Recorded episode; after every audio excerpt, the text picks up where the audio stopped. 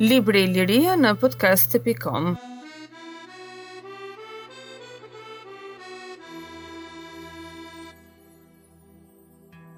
Rezultatet e gërmimit të zhvilluar në gradishtën e Symizës Gjatë vitit 1973,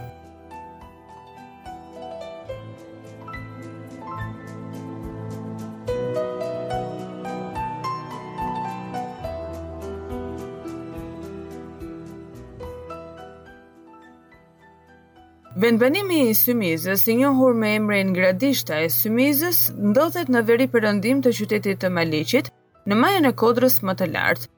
Gërmimi dhe studimi i vendbanimit neolitik të Maliqit nxori problem gjurmimin e kulturës së banorëve të Maliqit nga epoka e bronzit në atë të hekurit. Për të ndjekur këtë problem, si dhe për t'u njohur më mirë me fizionominë e këtij vendbanimi, ndërmorëm gërmimet. Pas një studimi të terrenit si vend më të përshtatshëm për të gërmuar, zgjodhëm një sektor në jug-perëndim të platformës perëndimore, të cilën ne e emërtuam sektori A. Në këtë sektor u gërmua një sipërfaqe prej 182.5 metrash katrorë. Gërmimi arriti në një thellësi 50 deri në 70 centimetra, që në belat e para u zbulua një ndërtim me gurë të punuar, kuadrati 2 dhe i 5. Nga ndërtimi ruhet pjesa e hyrjes dhe një fragment i dyshemesë. Nga gjurmët e ruajtura mund të bëhen vetëm një rikonstruksion i pjesshëm i saj. Godina ka patur planimetri katërkëndëshe, prej të cilës mund të përcaktohet vetëm gjerësia e fasadës, që është katër pikë njëzet metra. Nga fasada kryesore ruhet vetëm bazamenti i formuar nga tre blloqe të mëdhenj guri të punuar. Guri i mesit, me dimensionet një pikë njëzet, zero pikë gjashtëdhjetë metra, është më i gjerë në dy anësoret dhe del dhjetë centimetra para tyre. Në anën jugore ndodhet një bllok 0.50 centimetra i gjerë, gjatësia e të cilit nuk ruhet e plotë, por që tregon se këtu muri kthehej me kënd të drejtë. Sipërfaqja e këtyre mureve është punuar me një vegël të mprehtë që krijon një faqe të gropëzuar. Kjo teknikë punimi ruhet edhe në blloqet e murit rrethues. Mbi blloqet e godinës ishin tre kolona me diametër të bazamentit dyzet e dy centimetra, gjurmët e secilëve dallohen akoma mbi sipërfaqen e gurëve, ndërsa vetë kolonat nuk ruhen më. Nga shtresa e dyshemesë ruhen tri rrasa, të cilat janë vendosur dhjetë centimetra në nivelin e pragut. Në anën veriore të godinës, vende-vende, shkëmbi natyral është niveluar me daltë për të vendosur rrasat e dyshemesë. Tre blloqet e tjerë që i përkisnin kësaj ndërtese janë ripërdorur më vonë në muret me llaç. Teknika e ndërtimit, monedhat dhe terakotat e datojnë këtë godinë si të periudhës helenistike. Mungesa e qeramikës së përdorimit të përditshëm sasia e konsiderueshme e terakotave, gjetja e një skepteri bronzi në formën e një bastani lënë të mendosh se këtu kemi të bëjmë me një ndërtesë kulti. Ndërtimet e tjera të zbuluara i përkasin periudhës së vonë helenistike dhe mesjetare.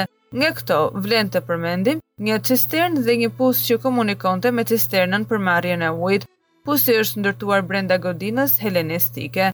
Për hapjen e tij është ngrënë shkëmbi, që ishte punuar më parë me vendosjen e rrasave të dyshemes së tempullit. Pjesa e sipërme e pusit deri në nivelin e dyshemes së tempullit nuk ruhet. Pjesa e poshtme tregon se pusi është ndërtuar me gurë të lidhur me llaç dhe është veshur me një shtresë llaçi, shamot, me trashësi 3 cm. Ai ka një diametër 0.50 cm. Cisterna e zbuluar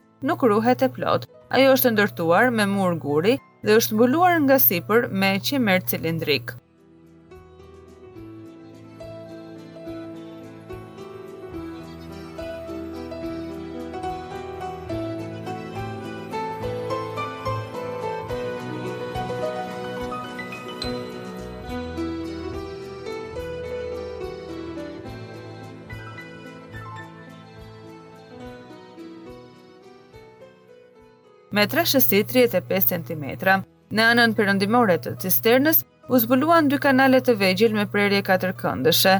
Kanali i parë që komunikon me pjesën më të lartë të cisternës duhet të ketë shërbyer për shkarkimin e ujit të tepërt të cisternës, kurse kanali tjetër, që nuk ka lidhje me cisternën, duhet të lidhet me ndonjë ndërtim tjetër. Ndërtimet e tjera që i përkasin një periudhe më të vonë përfaqësohen nga një ambient katërkëndësh që përfshin kuadratin 7 dhe një mur guri 45 cm i gjerë i lidhur me baltë që shkon paralelisht me fasadën e tempullit të parë. Ndërtimet e mëvonshme, sidomos ato të periudhës së vonë antike, cisternat pra, e kanë prishur shtresën kulturore helenistike, Kështu që stratigrafia e përfituar nga gërmimi nuk ishte e qartë dhe e pastër. Materialet e zbuluara ishin të përziera dhe përfaqësonin tre shtresa kulturore, helenistike, romake dhe antike të vonë mesjetare.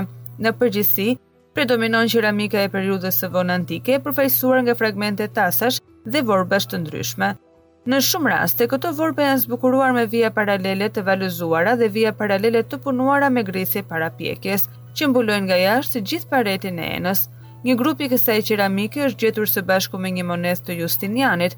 Në sasi më të pakët u gjet qeramike e hershme romake, që përfaqësohet pak nga fragmente tasash të sheshtë, terra sigillata, dhe më pak fragmente pseudo terra sigillata. Ndërsa fragmentet e enëve helenistike janë fare të pakta. Kjo shtresë përfaqësohet nga terrakota të gjetura brenda dhe në fasadën e tempullit nga një skeptër bronzi, tre tulla të plota, 36-36-7 cm, si dhe dy monedha helenistike. Për të përfituar një stratigrafi më të pastër të shtresave kulturore, u ndërmor një gërmim kontrolli të sektorit A. Materialet arkeologjike ishin depozituar në tre shtresa kulturore. Shtresa e tretë kulturore ka trashësinë maksimale 0.50 metra Mbi të, ndodhet një shtresë humusore dhjetë metra e trashë. Shtresa e dytë kulturore ka një trashësi mesatare prej tetëdhjetë centimetrash dhe shtresa e parë kulturore ka një trashësi që lëkundet nga tridhjetë deri në dyzet centimetra. Në skajin lindor të sondazhit, në thellësi tridhjetë centimetra, u zbulua një depo me vegla bujqësore, dhe zdrukthtarie të gjitha prej hekuri. Edhe materiali i shtresës së dytë përfaqësohet kryesisht nga fragmente enësh të ndryshme dhe ashtu sikurse i shtresës së tretë, paraqitet i përzier, por megjithkëtë, midis materialit të ardhur nga shtresa e tretë dhe atij të shtresës së dytë vihen re edhe ndryshime. Kështu në shtresën e dytë, në ndryshim nga shtresa e tretë, shikojmë se numri i fragmenteve të periudhës helenistike rritet, Veç kësaj, në këtë shtresë, për herë të parë shfaqen fragmente enësh karakteristike për kulturën e periudhës së parë të hekurit. Shumica e enëve janë të zbukuruara. Teknikat e përdorura për zbukurim janë të ndryshme, zbukurim me pikturë, zbukurim me shirit në relief, zbukurim me ngulitje, me gricje dhe zbukurim me kanelyra. Zbukurimi në pikturë është bërë para pjekjes, mbi sfondin ngjyrë tulle okër dhe më rrallë gri të enës. Për pikturimin është përdorur ngjyra kafe me nuanca të gështenjës. Zbukurimi me motivin e ngulitjes është një motiv i rrallë, po kështu zbukurimi me gricje pas pjekjes dhe ai me kanelyra janë të rralla në poçerinë e kësaj shtrese.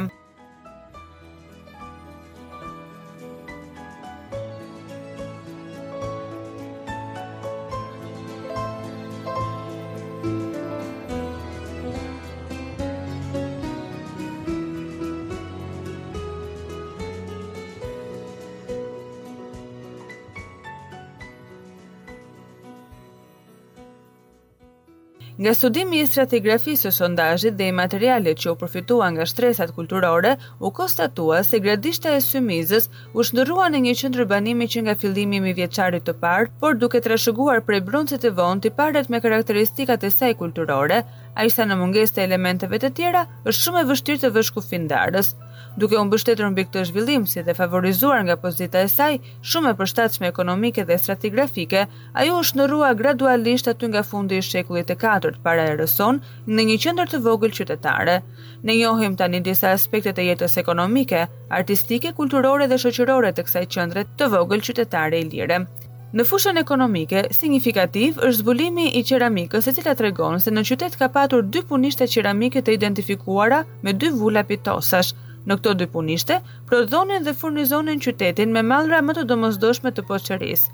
Po kështu monedhat si dhe qeramika e importuar janë një dëshmi tjetër i zhvillimit ekonomik dhe i marrëdhënieve tregtare të kësaj qendre me qendra të tjera brenda dhe jashtë trevës ilire. Zhvillimin e jetës artistike kulturore e shënon numri i konsiderueshëm i terrakotave si dhe i kallëpëve të zbuluara gjatë gërmimit. Këto terrakota shquhen për një paraqitje realiste dhe për një ekzekutim me shije të hollë artistike.